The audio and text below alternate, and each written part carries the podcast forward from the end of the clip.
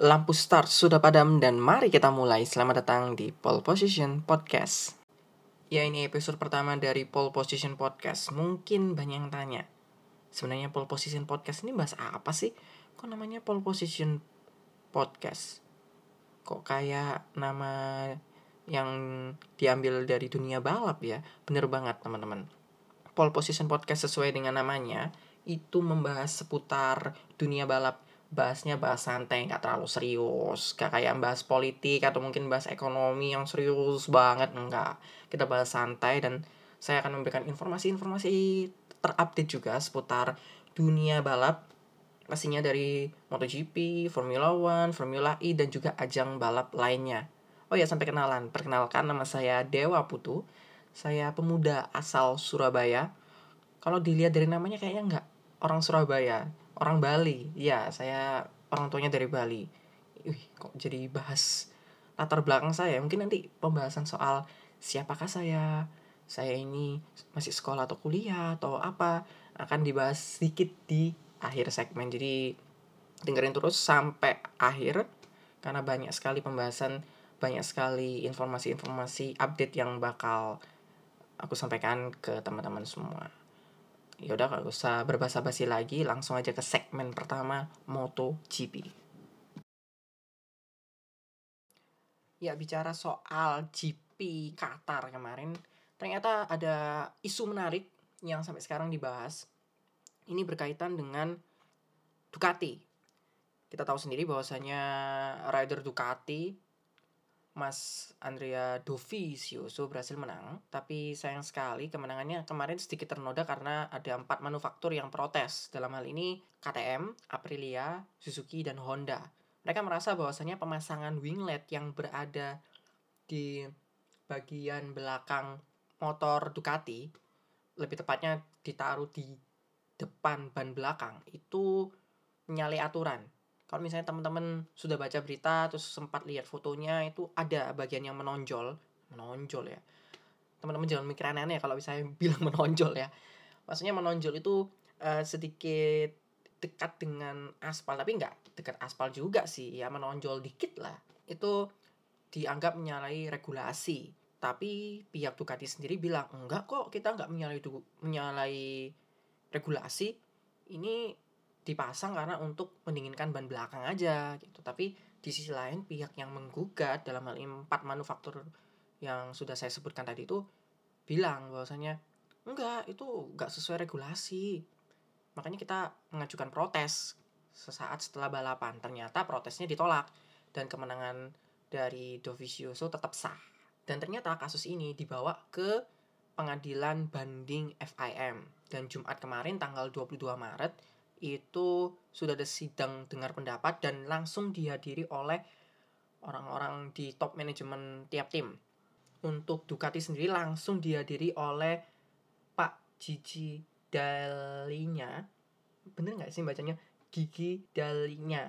Soalnya namanya tuh Gigi D A L L petik atas I G N A. Mungkin spelling saya agak salah, mungkin teman-teman bisa membetulkan spelling saya. Dan ternyata pihak Ducati tidak hanya langsung dihadiri oleh GM-nya, tapi juga membawa koordinator teknis, yaitu Mas Fabiano Stella Sini. Udah kayak kenal aja ya manggilnya Pak, Mas, padahal nggak pernah ketemu.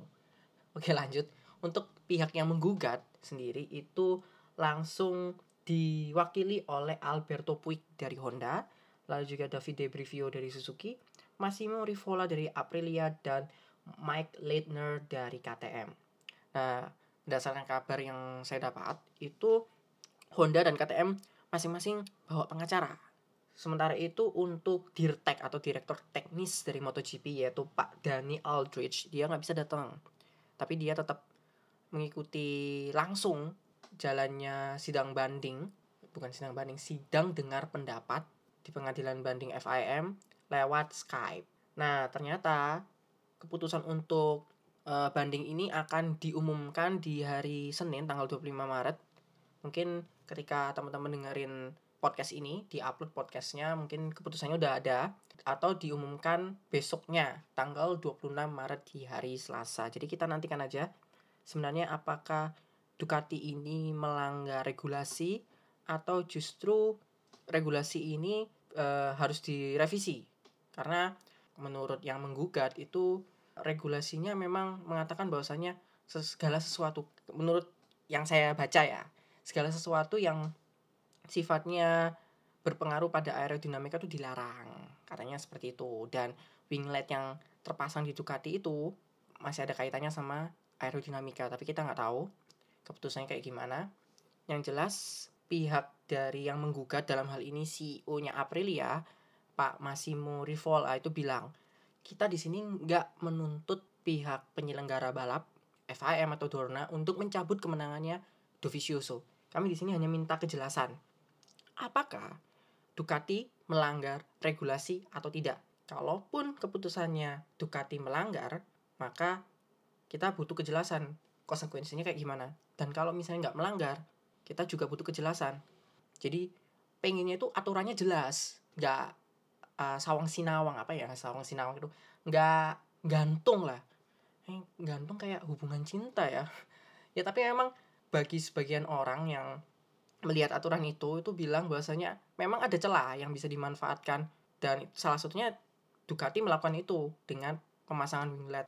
Tapi memang menurut salah satu orang yang berkecimpung di F1 yang sekarang ada di Formula E di tim Mahindra, namanya adalah Cuquerella itu bilang bahwasanya downforce yang bisa didapat dari wing pemasangan winglet itu emang benar apa yang dibilang sama orang. Bahwasanya wingletnya Ducati itu bisa menghasilkan downforce bisa uh, mengurangi hambatan ketika melaju sehingga menghasilkan kecepatan yang tinggi untuk motor Ducati. Tapi kita nggak tahu ya sebenarnya uh, kasus ini akan seperti apa berakhirnya tapi kita berharap kasusnya segera selesai jelas semua Ducati bersalah atau tidak. Kalau bersalah konsekuensinya apa? Kalau tidak langkah selanjutnya dari pihak MotoGP seperti apa? Apakah merubah regulasi atau seperti apa? Kita perlu nantikan bersama-sama. Oke, kita beralih dari masalah Ducati dengan wingletnya yang uh, memunculkan protes dari empat manufaktur ke informasi dari pebalap Malaysia, Hafiz Syahrin.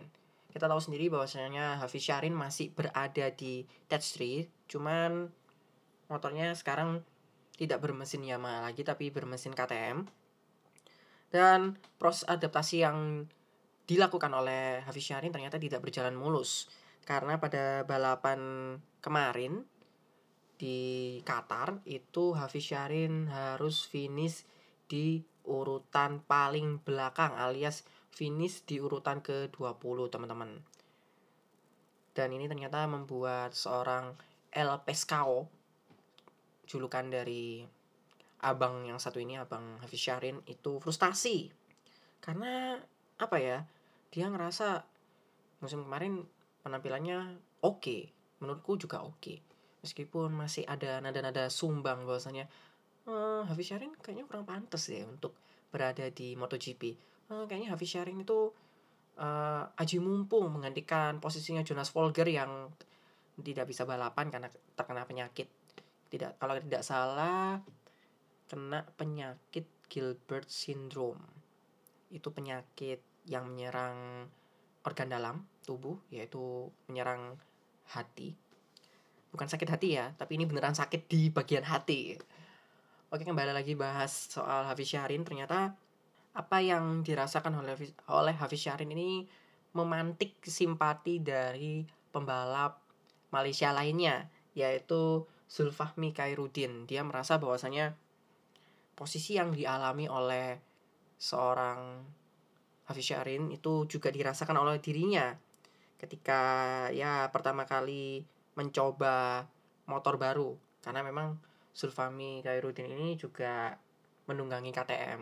Dia merasakan hal yang sama dan memberikan dukungan bahwasanya Hafiz Syahrin pasti bakal bisa melalui proses adaptasi ini meskipun di awal terseok-seok dan mendapatkan omongan-omongan yang kurang baik dari banyak pihak bahwasanya kok dia masih tetap berada di MotoGP banyak yang meragukan masa depannya dia sebagai pembalap di kelas Premier.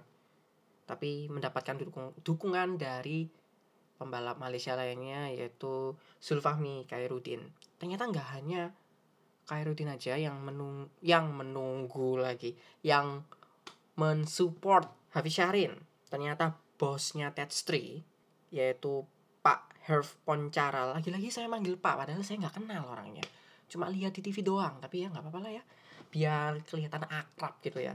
Jadi Pak Herf Poncaral ini ternyata uh, ikut menyadari betapa sulitnya Hafiz Syahrin beradaptasi dengan motor barunya. Dan reaksinya sungguh membuat saya terenyuh ya karena kalau misalnya ada pembalapnya kesulitan kadang suka dimarahin suka uh, disindir-sindir tapi indah bosnya Ted Street ini berusaha untuk memotivasi biar Hafiz Syahrin ini menunjukkan performa terbaiknya dan dia bilang sendiri bahwasanya kami yang ada di Ted Street akan selalu mendukung Syahrin saya sendiri juga akan mendukung Syahrin begitu katanya Pak Poncaral dengan memberikan apa yang uh, menurut tim dan juga beliau terbaik untuk Syahrin.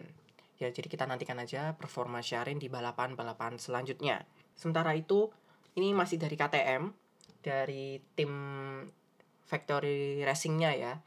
Itu ada Zarko. Zarko uh, pindah dari Street ke KTM dan posisinya digantikan oleh uh, Miguel Oliveira dan ternyata Zahrin Zahrin lagi Zarko Zahrin Zarko Syahrin. Waduh nggak gabungin nama orang. Saya bikin kartu keluarga baru buat mereka jadinya. Tuh minta maaf ya mas. Minta maaf ya saya tidak bermaksud untuk menggabungkan nama kalian keselimpet aja tadi itu oke balik lagi ke Zarko ya Zarko sekarang ada di Factory Racing KTM dan ternyata uh, hasil buruknya Syahrin ini juga dialami oleh Zarko. Dia ngerasa bahwasanya dia kayak pembalap amatiran. Dia bilang sendiri karena waktu sesi latihan dan juga sesi kualifikasi di hari Sabtunya dia itu jatuh teman-teman dua kali. Satunya di free practice 3, satunya lagi di sesi kualifikasi. Dia merasa, waduh aku kok kayak pembalap amatiran ya jatuh mulu gitu dia pun juga tidak membukukan hasil baik karena dia hanya finish di urutan ke 15 dan startnya di urutan ke 21 namun dia mengambil uh, pikiran positif ya bahwasanya ini menjadi tanda awal untuk dirinya bersama KTM dan dia juga berharap bahwasanya performanya dia seiring berjalannya waktu melalui dari satu seri ke seri lain bisa meningkat. Dan dia juga mengomentari soal motor KTM ya, yang dirasa sudah melampaui ekspektasinya dia, tapi bukan merupakan paket komplit, paket komplit untuk bersaing, untuk apa istilahnya, mendapatkan poin lah, untuk bisa bersaing mendapatkan poin dengan pembalap-pembalap lainnya. Oke, kita nantikan aja bagaimana kiprah dari Syahrin dan juga Zarko bersama dengan KTM di musim 2019 ini. Ada kabar yang menggairahkan dari tim asal Jepang, Suzuki, karena mereka terkesan dengan performanya Alex Rins. Tidak hanya berhasil menghadirkan uh, poin karena finish di urutan keempat waktu balapan di Losail tapi Alex Rins ini juga dianggap punya peran besar untuk pengembangan motor Suzuki yaitu namanya ini GSX-RR. Tim merasa bahwasanya Alex Rins ini punya andil dalam pengembangan motor sejak musim kemarin. Padahal Suzuki sendiri itu mengandalkan Andrea Iannone untuk pengembangan motor tapi ternyata Alex Rin ini justru yang muncul sebagai uh, orang yang berjasa dalam pengembangan motor di musim kemarin hingga musim saat ini. Alex Rin sendiri bilang bahwasannya dia senang dengan apa yang tim dan juga dia kerjakan sehingga motornya banyak berkembang dan dia juga menegaskan bahwasannya motor yang dia pakai di musim ini tidak berbeda jauh dari musim kemarin. Namun perubahan kecil yang dia sarankan, yang dia minta kepada tim itu sudah ditambal, sudah diperbaiki, sudah dipenuhi sehingga memberikan dampak yang luar biasa untuk GSX Double R ini. Wah, keren banget ya Alex Rins berhasil mengembangkan motor bersama dengan Suzuki sehingga bisa menghasilkan motor yang kompetitif di musim baru ini dan kita bisa lihat Alex Rins finish di urutan keempat di depan Valentino Rossi. Mungkin teman-teman punya pendapat apakah Suzuki sudah layak untuk bersaing dengan tiga tim papan atas Ducati, Honda atau Yamaha atau mungkin dirasa masih perlu ada pengembangan sehingga bisa menggoyahkan top 3 ini. Mungkin bisa langsung ini ya, komen-komen di Instagram saya untuk pendapatnya. Oh, Suzuki udah bisa kok jadi pesaingnya ini ada. Oh, Suzuki belum butuh pengembangan dan sebagainya. Langsung komen di Instagram aku. Ya, tadi udah bahas MotoGP, kita beralih sebentar ke Moto2 karena ada pembalap Indonesia yang berlaga di kelas intermediate ini yaitu Kak Dimas Eki Pratama. Ya Kak Dimas Eki Pratama ini di balapan pembuka MotoGP berhasil finish di urutan ke-24. Nah, ini kalau ngomong peringkat 24 pasti nih banyak yang nyinyir. Kok bisa sih pembalap Indonesia finishnya urutan 25 besar? Gak bisa gitu ya finish urutan pertama Gak bisa ya finish urutan 10 besar? Gak bisa ya setidaknya finish urutan 15 besar? Jangan dinyinyir dulu teman-teman. Karena persaingannya ketat banget. Ada lebih dari 25 pembalap. Bahkan kalau yang saya lihat dari statistiknya Moto 2 itu setidaknya ada ini 26 pembalap finish ada 1 2 3 4 5 6 ada 6 pembalap yang gagal finish 32 pembalap bisa finish di urutan ke-24 dari 32 pembalap dan tidak terjatuh. Ini udah luar biasa banget teman-teman.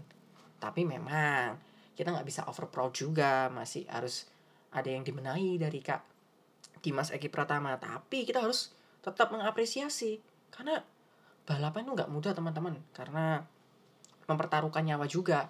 Salah-salah jatuh kayak yang kejadian yang sudah-sudah meninggal kan ya kasihan lah ya Nah, kita harus tetap mengapresiasi sembari memberikan saran dan kritik yang baik, yang membangun, bukan menghujat. Kayak tadi itu, kayak mak-mak tadi. Waduh, bilangnya mak-mak. Tapi ibu saya suka gitu sih kalau ngomel. Saya serem juga ya. Oke, balik lagi ke Kak Dimas Eki Pratama. Kak Dimas Eki Pratama ini sebenarnya punya feeling yang sangat baik ketika balapan, ketika race di hari Minggu. Dia bilang bahwasanya uh, saya feeling saya bagus dan dalam pikiran saya saya punya kemungkinan untuk masuk 15 besar. Tapi memang ketika balapan ada sebuah insiden karena di tikungan pertama itu ada tiga pembalap yang jatuh. Melibatkan Bulega, Iker Leku Lekuona dan Jorge Navarro di tikungan satu. Nah kebetulan jatuhnya di depannya Kak Dimas Eki Pratama. Menurut info yang saya dapat dari motorsport.com. Nah, ya ini saran ya kalau misalnya teman-teman mau baca berita seputar olahraga bisa langsung akses ke motorsport.com karena banyak banget beritanya dan ada edisi berbahasa Indonesianya. Daripada nganggur baca berita yang nggak benar, berita hoax-hoax, mendingan baca berita dari sumber yang terpercaya. Kalau kamu suka motorsport, bacanya di motorsport.com sekali lagi tidak di endorse tapi saya memang kalau bikin artikel motifnya dari motorsport.com gitu.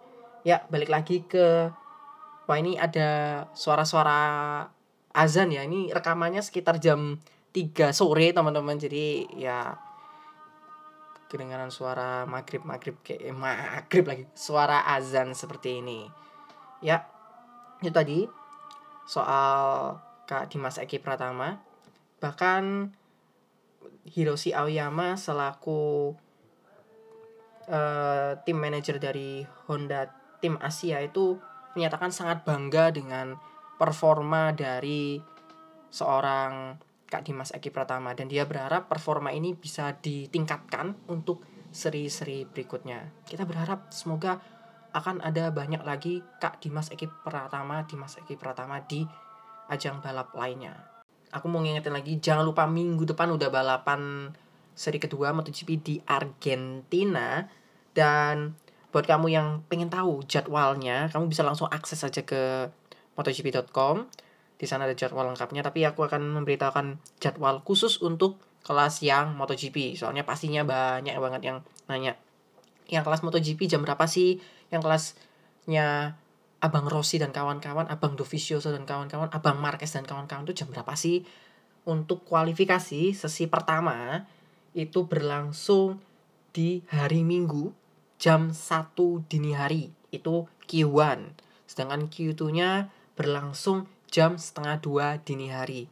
Berarti balapannya itu di hari Senin dini hari jam 1 pagi. Jangan sampai ketiduran kayak aku waktu nonton GP Qatar. Kalau bisa bobok siang dulu, bobok cantik siang dulu. Kalau misalnya ada kerjaan hari Minggu siang ditolak, oh enggak, jangan. Rezeki nggak boleh ditolak. Tapi setidaknya ya setelah bekerja mungkin ada waktu luang untuk istirahat, istirahat dulu biar bisa nonton balapan di jam 1 dini hari di hari Senin tanggal 1 April 2019. Oke, pembahasan MotoGP selesai. Kita beralih ke segmen selanjutnya Formula E. Segmen kedua Formula E ini seru banget karena sudah berlangsung 6 race, 6 e-prix, bukan GP ya namanya e-prix. Itu 6 pembalap berbeda dari 6 tim berbeda berhasil meraih gelar juara. Dan yang terbaru pebalap Cita yaitu John ini berhasil menang atas lawan-lawannya tapi eh, finishnya juga agak kurang sih sebenarnya menurutku karena ketika saya melihat balapannya mau selesai lah kok ada kecelakaan? Ternyata ada insiden yang melibatkan pembalap Envision yaitu Robin Fringe dan juga pembalap dari tim Audi Sport ABT yaitu Lukas Di Grassi. Itu kecelakaan di tikungan Harpin. Dan membuat balapan harus berakhir dengan status full course yellow. Pembalap berjalan pelan dalam arti kayak aduh finishnya kurang banget ya tapi nggak apa-apa selamat untuk John Eric Fournier berhasil menang di balapan seri uh, Sanya Cina Sanya Tiongkok. Oke, seperti yang aku bilang tadi, 6 pebalap dari 6 tim berbeda berhasil menang di 6 race awal dari Formula E. Emang siapa aja sih yang menang? Oke, aku urutin dulu dari seri pembuka di Arab Saudi. Yang menang adalah pebalap dari BMW i Andretti, yaitu Felix da Costa, lalu seri Maroko yang menang adalah Jerome De Ambrosio dari Mahindra Racing. Lalu seri berikutnya di Chile, giliran Sambert, rekan steam dari Robin Friends ini yang berhasil keluar sebagai juara. Lalu seri Meksiko yang kena tabrak kemarin, hari minggu kemarin yaitu Lucas Di Grassi berhasil keluar sebagai juara. Lalu Eduardo Murtara menang dan yang paling baru adalah John Eric Furtney. Ada sebenarnya ada beberapa kejadian sih yang menarik kemarin itu salah satunya juga kemarin ada kecelakaan yang menimpa salah satu pembalap dari BMW Andretti yaitu Alexander Sims. Dia berusaha untuk mempertahankan posisinya side to side sama Andre Lotterer dari Titsita dan berujung pada mobilnya Sims ini nabrak dinding berhenti balapan dan ketika itu waduh berhenti nih waktu itu kalau nggak salah balapannya itu sisa belasan menit 16 atau 17 menit ya saya lupa. Pokoknya itu kembali balapan berlanjut dan ternyata ada insiden menjelang akhir balapan yang membuat finishnya jadi agak sedikit uh, kurang gitu rasanya. Kalau menurut saya sih gitu. Kalau menurut teman-teman yang nonton gimana kemarin hari kok hari Minggu sih? Hari Sabtu tanggal 23 Maret 2019 kalau nggak salah ditayangin di Fox Sports. Ya ditayangin di Fox Sports 3 waktu itu. Ditayangin di Fox Sports 3 dan lucunya lagi di balapan Formula E seri apa nih seri tiba-tiba saya lupa seri Sanya Iprix Sanya Tiongkok itu banyak yang kena hukuman nih banyak yang kena sanksi. Waduh dan yang kena sanksi nggak satu dua pembalap ada beberapa pembalap yang kena sanksi terutama Sebastian Buemi. Dia di penalti 10 detik karena dianggap sebagai biang keladi kecelakaan di akhir lomba antara Frins dan Lukas Di Grassi. Memang kalau aku ngelihat dari tayangan ulang saya ngelihat dari replay yang diposting sama Formula E di akun twitternya mereka itu memang posisinya mobil dari Bastian Buemi ini persis di belakangnya Robin Frins dan kalau dilihat seperti menabrak seperti uh, mendorong mobil dari Robin Frins itu maju. Dan kecelakaan nggak bisa terhindarkan tapi di antara mereka bertiga yang selamat Sebastian Buemi. Karena pengawas lomba merasa ini yang salah nih Sebastian Buemi. Akhirnya kena penalti. 10 detik harusnya dia finish urutan ke 6 kalau nggak salah. Finish urutan ke 6 langsung dia turun ke peringkat 8. Dan selain itu, ini juga sedikit lucu juga banyak banget yang disanksi di Formula E seri kali ini. Tidak hanya Sebastian Buemi, tapi juga ada pembalap. Bahkan pembalap ini posisinya kecelakaan, tapi kena sanksi. Kalau kabar yang saya dapat itu ada, wow, ini ada Lukas Di Grassi. Dia didenda 5 ribu euro karena meninggalkan mobilnya tanpa persetujuan dari race director. Jadi kan kalau misalnya kita mau keluar mobil karena kecelakaan atau ada insiden mungkin mesinnya rusak atau mungkin energi listriknya habis itu harus berdasarkan persetujuan dari race director. Oke, kamu boleh keluar dari mobilmu. Ini tujuannya biar si pembalap dan mobilnya ini tidak mengalami kejadian yang aneh-aneh, entah ketabrak atau mungkin apa. Nah, si Digrasi ini keluar mobil tanpa persetujuan dari race director dan kena denda 5000 euro.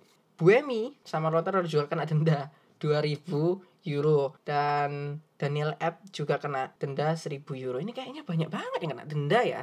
Jadinya merubah posisi sih, merubah posisi di hasil akhir balapan yang harusnya Buemi finish 6 jadi turun ke 8 satu peringkat di bawah Pascal Werin. Sebenarnya uh, posisinya Oliver Rowland sama Felix da Costa ini tuh juga sedikit terancam sih kemarin karena hmm, ada prosedur yang dilanggar oleh kedua pembalap tersebut. Tapi oleh Stewart ternyata diputuskan setelah investigasi Oliver Rowland dan Antonio Felix da Costa tetap berhak mendapatkan peringkat kedua dan ketiga di balapan tersebut balapan memang seru banget Formula E meskipun udah ngikutnya 3 4 musim terakhir itu masih suka bingung ini mobil ini nih tim mana sih? Mobil yang coraknya ungu ini pembalapnya siapa sih? Karena masih belum hafal tidak seperti F1 ya. Kalau F1 lumayan sih lumayan hafal. Kalau yang Formula E itu cuma pembalap-pembalap tertentu aja kayak John Eric Vergne. Oh John Eric Vergne ini rekan setimnya Roterer warna mobilnya emas-emas hitam gitu. Soalnya jujur sih masih belum hafal sampai sekarang. Padahal udah ngikutin dari musim 2016 2017 mungkin kalau misalnya belum ada yang nonton kalian harus nonton ajang balap ini. Karena hampir semua sirkuitnya itu pakai sirkuit jalanan. Jadi kita bisa melihat bagaimana cantiknya pemandangan kota-kota yang menjadi tuan rumah dari Formula E di musim ini. Aku sih berharap ya Mandalika itu nggak hanya nyelenggarain Formula oh Formula One MotoGP dan Superbike tapi juga nyelenggarain Formula E. Pasti pasti seru banget. Banyak yang nonton. Syukur-syukur kalau misalnya ada pembalap Indonesia yang berlaga di Formula E. Semoga aja. Buat yang penasaran emang seri Formula E selanjutnya bakal menyambangi negara mana? Seri ketujuh dari Formula E akan menyambangi Roma di tanggal 13 April nanti. Ini beda banget dengan Formula One. Kalau Formula One itu jadwalnya rapat ya dua minggu sekali ada balapan. Bahkan tidak ada jeda sama sekali minggu. Misalnya minggu ini balapan minggu depan sudah balapan lagi. Kalau formula ini jadwalnya renggang-renggang. Balapan terakhir hari Sabtu kemarin 20, 23 Maret balapan berikutnya bulan depannya tanggal 13 April. Jadi masih ada waktu untuk menantikan keseruan balapan dari Formula E. Kira-kira akankah 6 pembalap yang sudah menang di 6 seri pembuka ini menang lagi di Iprix Roma atau mungkin pembalap baru yang bakal menang di seri ketujuh ini. Sembari itu kita menunggu, aku mau ngasih informasi bahwasanya untuk saat ini yang berada di peringkat pertama e, klasemen pembalap ada Antonio Felix da Costa dengan 62 poin. Sementara itu Jerome de Ambrosio berada di posisi kedua dengan 61 poin, beda satu poin. Lalu John Eric Froome yang kemarin berhasil menang di hari Sabtu membuntuti di posisi ketiga dengan 54 poin. Sementara itu standing untuk tim masih dipegang oleh Envision Virgin Racing dengan 97 poin. Sebenarnya poinnya sama dengan Mahindra Racing yang berada di posisi kedua dengan 97 poin, lalu diikuti oleh Audi Sport App dengan 96 poin. Wih, jarak poin antara satu tim dengan tim lain dan juga antara satu pembalap dengan pembalap yang lainnya deket banget. Ini seru.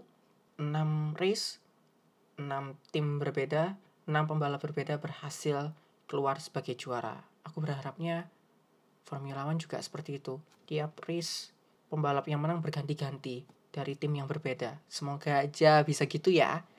Oh, kalau ngomongin soal Formula One, kayaknya kita harus pindah ke segmen berikutnya, segmen ketiga, Formula One. Ya, udah masuk segmen ketiga aja.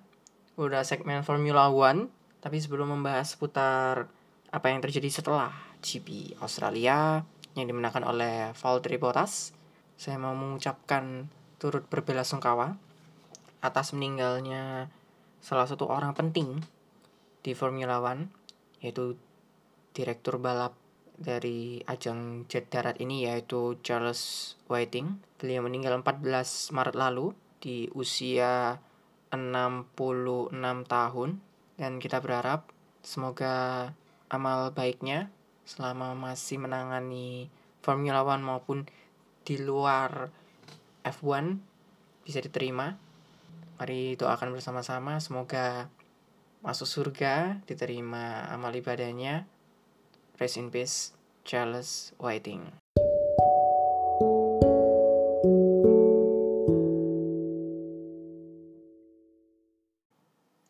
Tadi itu kabar duka dari F1 Charles Whiting yang meninggal saya menekankan bahwasanya kita sama-sama berdoa semoga F1 yang ditinggalkan masih bisa berjaya, tetap konsisten menghadirkan balapan-balapan luar biasa tanpa kehadiran dari Charlie Whiting yang memang posisinya dia sebagai direktur balap F1. Ya kita kembali ke topik hangat selepas Australian GP.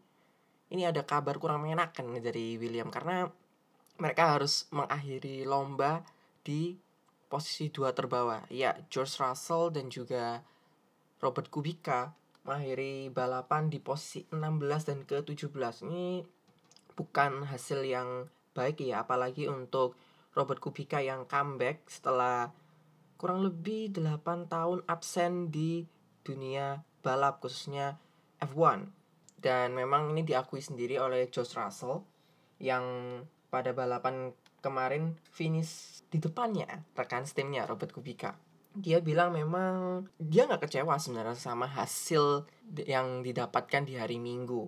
Tapi sebenarnya dia nggak terlalu tertarik untuk bersaing dengan rekan timnya men untuk menentukan ini kira-kira di antara kita berdua siapa nih yang finishnya uh, di depan nggak finish di urutan terbawah paling bawah kita tahu sendiri mungkin teman-teman juga sudah baca berita bahwasanya ketika tes pramusim di Barcelona mobil terbaru Williams yaitu FW42 ini terlambat untuk diuji cobakan. Ini menjadi kerugian sendiri ya karena memang kan harusnya ketika sudah masuk sesi tes pramusim mulai awal kan banyak tuh mobil-mobil yang sudah dicoba. Nah Williams ini masih belum turun.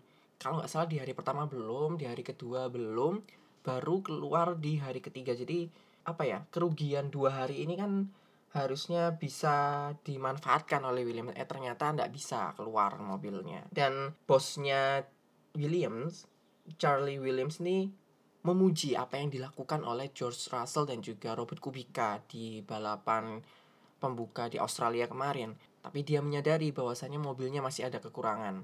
Dalam pernyataannya yang saya baca di portal berita khusus olahraga, itu dia menyatakan Williams tahu bahwa hal ini sulit dan mereka itu tahu juga kalau misalnya bakal berakhir di urutan belakang. Waduh, udah ngeramal ya karena mungkin melihat track record ke belakang sebelum race Australia tes pramusim juga kurang oke okay. beberapa sesi latihan juga kurang maksimal mendapatkan hasil paling belakang sudah menjadi uh, suatu hal yang anu ya yang mungkin ya. Meski begitu bos William ini masih bersyukur masih melihat kedua pembalapnya finish tanpa kecelakaan. Ini bisa menjadikan pelajaran bagi mereka oh yang kurang di mobil ini apa? Sehingga bisa ditingkatkan bekerja bersama-sama untuk membuat mobil FW42 ini garang di lintasan. Itu tadi dari bos William dan juga Josh Russell ini dari Robert Kubica kembalinya dia ke F1 ini tidak apa ya tidak membawa hasil yang memuaskan banyak yang menggadang-gadang, wih Robert Kubica balik lagi nih kayaknya performanya oke okay nih. Ternyata hasilnya kurang oke okay. dan beberapa ada yang ngomong kok bisa sih seorang Robert Kubica posisinya finish di urutan belakang kok bisa melihat Williams yang kemarin terlambat ini ya terlambat tes pramusim dengan segala permasalahannya ya menjadi sebuah hal yang wajar kalau menurut saya. Nggak tahu kalau menurut teman-teman bagaimana. Tapi yang jelas Robert Kubica ini bilang dia tidak menyesal. Dia tidak menyesal sama sekali comeback di Formula One meskipun FW42 ini belum menunjukkan performa terbaiknya. Selain itu juga dia memang sih menyayangkan tes Barcelona ini tidak berjalan sesuai dengan apa yang dia harapkan. Meskipun begitu dia menyatakan saya bukan tipikal orang yang ya mudah emosional karena bagi dia ini sebuah pencapaian luar biasa bisa kembali lagi ke F1 bisa kembali lagi mengemudikan jet darat ini itu udah luar biasa. Makanya dia berharap di balapan-balapan berikutnya mobil dan juga segala sesuatunya bisa berjalan dengan lebih baik lagi. Kira-kira Williams di balapan-balapan berikutnya bisa menemukan celah apa sih yang menjadi apa ya menjadi kekurangannya mereka atau mereka masih berkutat pada problem yang sama seperti balapan awal di Australia. Nah ternyata nggak William aja yang punya persoalan. Ternyata Ferrari juga punya persoalan. Kenapa? Karena ketika tes pramusim mereka begitu menjanjikan banyak yang menggadang-gadang wah ini kayaknya peluangnya Ferrari juara dunia terbuka lebar peluangnya besar tapi memang ada beberapa orang yang bilang hmm, kayaknya pesaingnya mereka Mercedes itu sengaja menyembunyikan kekuatan dan ya seperti yang kita tahu kemarin balapan yang di Australia dimenangkan oleh Valtteri Bottas posisi keduanya Lewis Hamilton. Lantas banyak yang bertanya-tanya, loh kok bisa Ferrari itu terlempar dari tiga besar? Karena posisi ketiga ternyata direbut oleh Max Verstappen. Usut punya usut nih, ternyata permasalahan ini dirasakan oleh Vettel. Bahkan di tengah-tengah lomba dia sempat komunikasi dengan timnya menanyakan, "Kalian tahu nggak apa yang terjadi dengan mobil ini kok bisa jadi lambat?" Dan itu ternyata diutarakan ketika dia diwawancarai oleh media. Dari info yang saya dapat, memang si Vettel ini mengakui sendiri bahwasanya uh, seperti keseimbangan mobil itu kurang. Tidak seperti dia rasakan ketika di Barcelona, tes pramusim di Barcelona. Seperti ada yang hilang. Terlebih ketika dia mengganti ban dari soft ke medium di lap 14, dia ngerasa mobil jadi semakin lambat. Apalagi ketika melibas tikungan. Dia makin tertinggal dengan pembalap-pembalap di depannya. Banyak yang juga yang bilang di balapan itu, loh kok si Vettel masuk pit stop lebih cepat ya? Dia masuk seperti yang aku bilang tadi di lap ke-14 ketika ditanyakan hal itu, Vettel awalnya mikir juga, oh mungkin karena saya ini ya masuk pit stopnya kecepatan. Tapi setelah saya pikir-pikir lagi, nggak juga kok ada pembalap lain yang masuk di pit stop itu di lap yang sama, mengganti ban dengan jenis yang sama, tapi nggak terjadi apa-apa. Mungkin mobil saya aja yang memang ada masalah yang tidak seperform ketika tes pramusim di Barcelona itu dari sisinya Vettel ya yang mengungkapkan seperti itu. Nah, lain halnya dengan uh, Pak Binoto. Siapa sih Pak Binoto ini dari kemar dari kemarin lagi dari tadi itu ngomongnya pakai pak pakai mas sok-sok kenal padahal gak pernah ketemu sok akrab lagi Pak Binotto ini adalah tim prinsipal dari Ferrari. Dia bilang memang bahwasannya uh, uh, apa ya? Ada sesuatu yang memang bikin mobil ini lambat dan faktor eksternal. Dia bilang ada faktor eksternal yang membuat mobil ini kurang perform. Dia membandingkan apa yang ada di Barcelona dengan apa yang ada di Australia. Dalam salah satu wawancaranya, dia bilang bahwasanya kondisi di Melbourne itu beda dengan di Barcelona. Kalau di Melbourne itu mulus. Oh kok di Melbourne? Di Barcelona itu mulus, sedangkan di Australia itu kasar. Dan kalau di Australia anginnya juga berembus kencang, temperaturnya juga lebih tinggi dan cuaca Barcelona dan Australia juga berbeda. Jadi dia memastikan bahwasannya tidak hanya faktor internal dalam mobilnya saja yang mempengaruhi, tapi juga ada faktor eksternal yang bisa membuat performa mobil ini jadi berbeda antara di Barcelona dengan di Australia. Ini yang berusaha dipahami oleh tim Ferrari sendiri.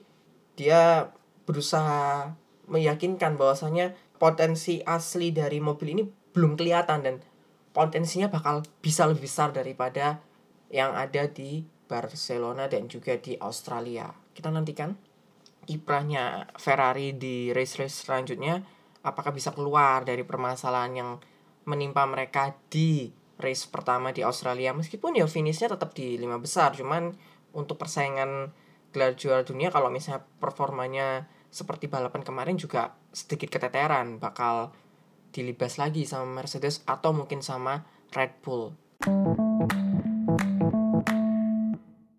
Ya bicara soal Red Bull yang kemarin berhasil mendapatkan posisi ketiga lewat pebalapnya Max Verstappen itu memunculkan pertanyaan karena Red Bull musim ini itu udah gak pakai mesin Renault, pakai mesin Honda. Sedangkan McLaren yang lekat dengan mesin Honda selama beberapa musim ke belakang mengganti mesinnya dengan Renault. Jadi kayak tuker-tukeran gitu ya.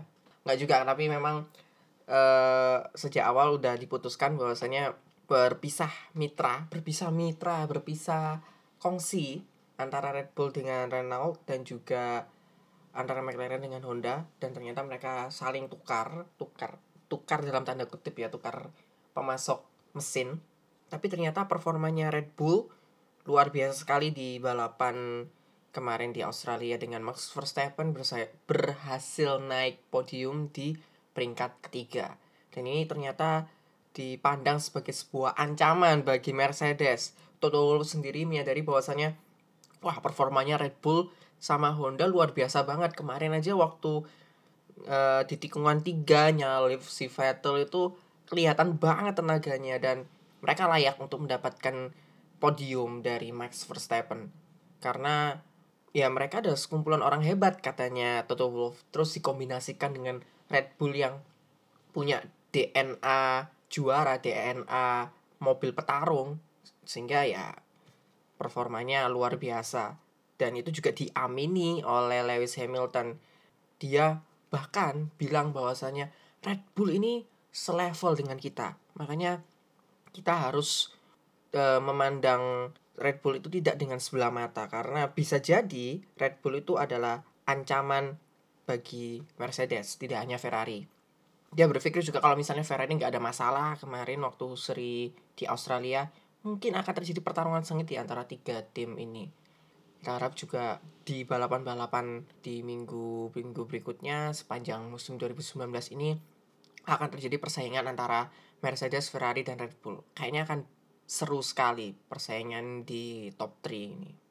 Ternyata kebersamaan Red Bull dengan Honda yang menghasilkan performa apik juga dirasakan oleh McLaren yang bekerja sama dengan Renault karena salah satu pembalapnya yaitu Carlos Sainz membeberkan rasa takjubnya terhadap mesin Renault di mobil McLaren yang dia kemudikan. Karena dia merasa bahwa apa yang dia rasakan selama 4 tahun di Formula One selalu lebih lambat 10 km per jam kata dirinya sendiri dibandingkan dengan pembalap-pembalap lainnya itu sudah mulai terkikis. Dia merasa bahwasannya mobil yang dikendalikan cuma lambat 2 sampai 3 km per jam aja dari tim-tim unggulan dan dia merasa optimis bahwasanya McLaren bisa bersaing dengan tim-tim unggulan. Seperti Mercedes dan Ferrari. Meskipun dia meyakini bahwasanya ya Mercedes Ferrari masih di depan lah. Tapi setidaknya mesin barunya McLaren yang pakai Renault sekarang itu lambat laun bisa bersaing dengan tim-tim unggulan tersebut. Meskipun nih ya meskipun Carlos Sainz ini gagal finish teman-teman. Dia harus keluar balapan lebih awal karena ada masalah MGUK di mobilnya. Sementara itu rekan steamnya Lando Norris itu berhasil finish di urutan ke-12. Hampir sedikit lagi bisa dapat peringkat 10 besar dan dapat poin. Tapi meskipun begitu ya luar biasa ya harus diapresiasi sekali. Karena Renault beberapa musim terakhir bareng sama Red Bull mendapatkan masa-masa bahagia bisa membawa Sebastian Vettel ketika masih di Red Bull juara terus sempat terjadi ya permasalahan di musim kemarin.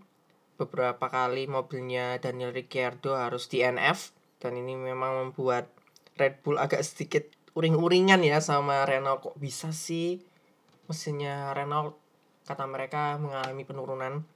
Tapi ternyata sama McLaren mereka membuktikan bahwasanya mesin kami masih bagus. Oh ya ngomong soal Lando Norris Lando Norris nih luar biasa sih. Dia pebalap dari Inggris kelahiran Bristol tahun 1999. Anak 2000-an awal ya, 90-an akhir. Umurnya berarti tahun ini 20 tahun. Ini gila kan? Kalau nggak salah dia lahir bulan Juli, jadi bulan Juli tahun ini umurnya 20. Ya, umurnya sekarang anggap aja masih 19 tahun, tapi dia udah balapan. Dan di race pertamanya di F1 setelah dari F2, finish urutan 12 luar biasa banget sih. Jadi keinget meme-meme yang ada di Instagram. Anak ini umur 17 tahun bisa gini. Kamu bisa apa? Lando Norris umur 19 tahun bisa balapan finish urutan 12 start urutan 8 kamu bisa apa? Oke udah masuk segmen keempat. Segmen kepoin yuk. Di segmen ini mau bahas soal Formula E. Sebenarnya Formula E itu apa sih? Mungkin banyak yang bertanya-tanya kok persis kayak F1 dan lain sebagainya. Ya emang Formula E ini sendiri konsepnya sama seperti F1 cuman bahan bakarnya adalah bahan bakar listrik dan hampir seluruh balapannya itu pakai trek jalanan jadi balapan jalanan.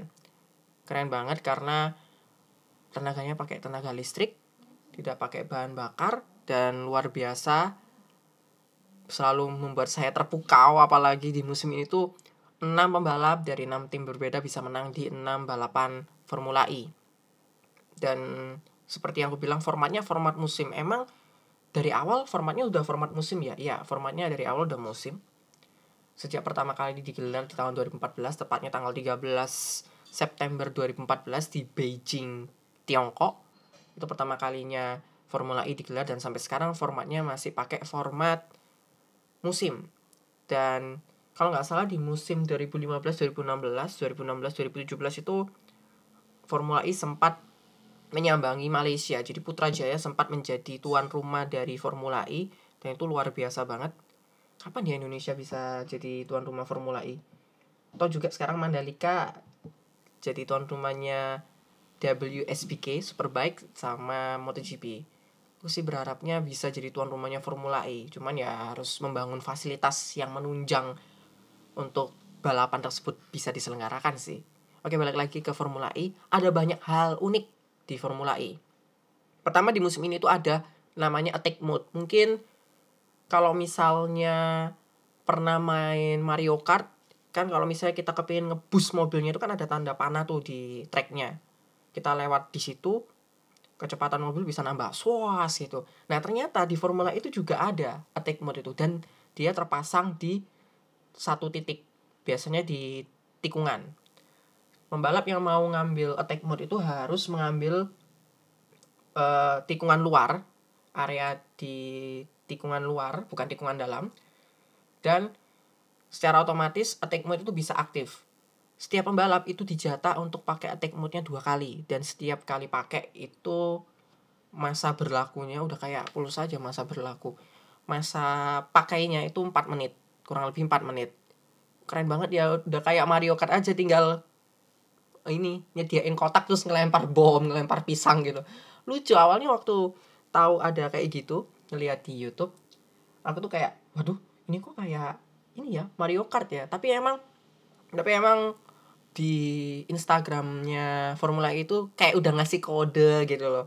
Karena waktu akhir tahun kemarin itu mereka buat postingan uh, ngerimik balapan-balapan yang sudah pernah diselenggarakan di musim 2017-2018 itu ala-ala kayak Mario Kart. Kupikir ya cuma guyonan ternyata salah satu hal yang ada di Mario Kart itu diadopsi yaitu attack mode itu tadi. Lucu ya, lucu juga.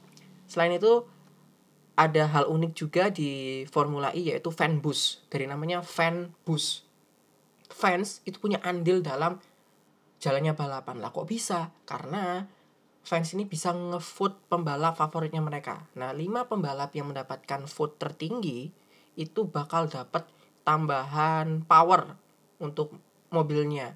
Sehingga dia bisa lebih cepat dibandingkan pembalap lain dan bisa dipakai dan bisa aktifnya itu di putaran kedua balapan. Wah, keren banget ya. Udah kayak ajang pencarian bakat Indonesian Idol, AVI, X Factor, ngevote pakai SMS, ngevote lewat Instagram, ngevote lewat sosial media. Nah, Formula ini juga seperti itu. Keren juga sih. Kalau misalnya Formula One pakai konsep kayak gini, tapi ya bingung juga. Tapi sebenarnya Formula One juga ada voting. Votingnya itu driver of the day. Jadi kita bisa masuk ke official websitenya Formula One, menvote siapa kira-kira pembalap yang terbaik menurut kita. Nanti dari hasil vote itu keluar setelah balapan selesai siapa yang menjadi driver of the day di balapan tersebut. Jadi sebenarnya sama aja ya ada sistem vote juga tapi bedanya kalau di F1 itu vote-nya untuk pembalap terbaik di balapan tersebut tapi kalau untuk yang di Formula E itu bisa mempengaruhi jalannya balapan. Wih, keren ya, keren banget. Selain itu juga ada poin-poin tambahan bagi mereka yang mendapatkan pole position dan juga mencatatkan fastest lap di lomba. Kalau pole position pembalap akan mendapatkan tambahan poin 3 sedangkan untuk yang mencatatkan fastest lap di balapan itu mendapatkan tambahan satu poin. Dengan catatan mereka harus finish di urutan 10 besar.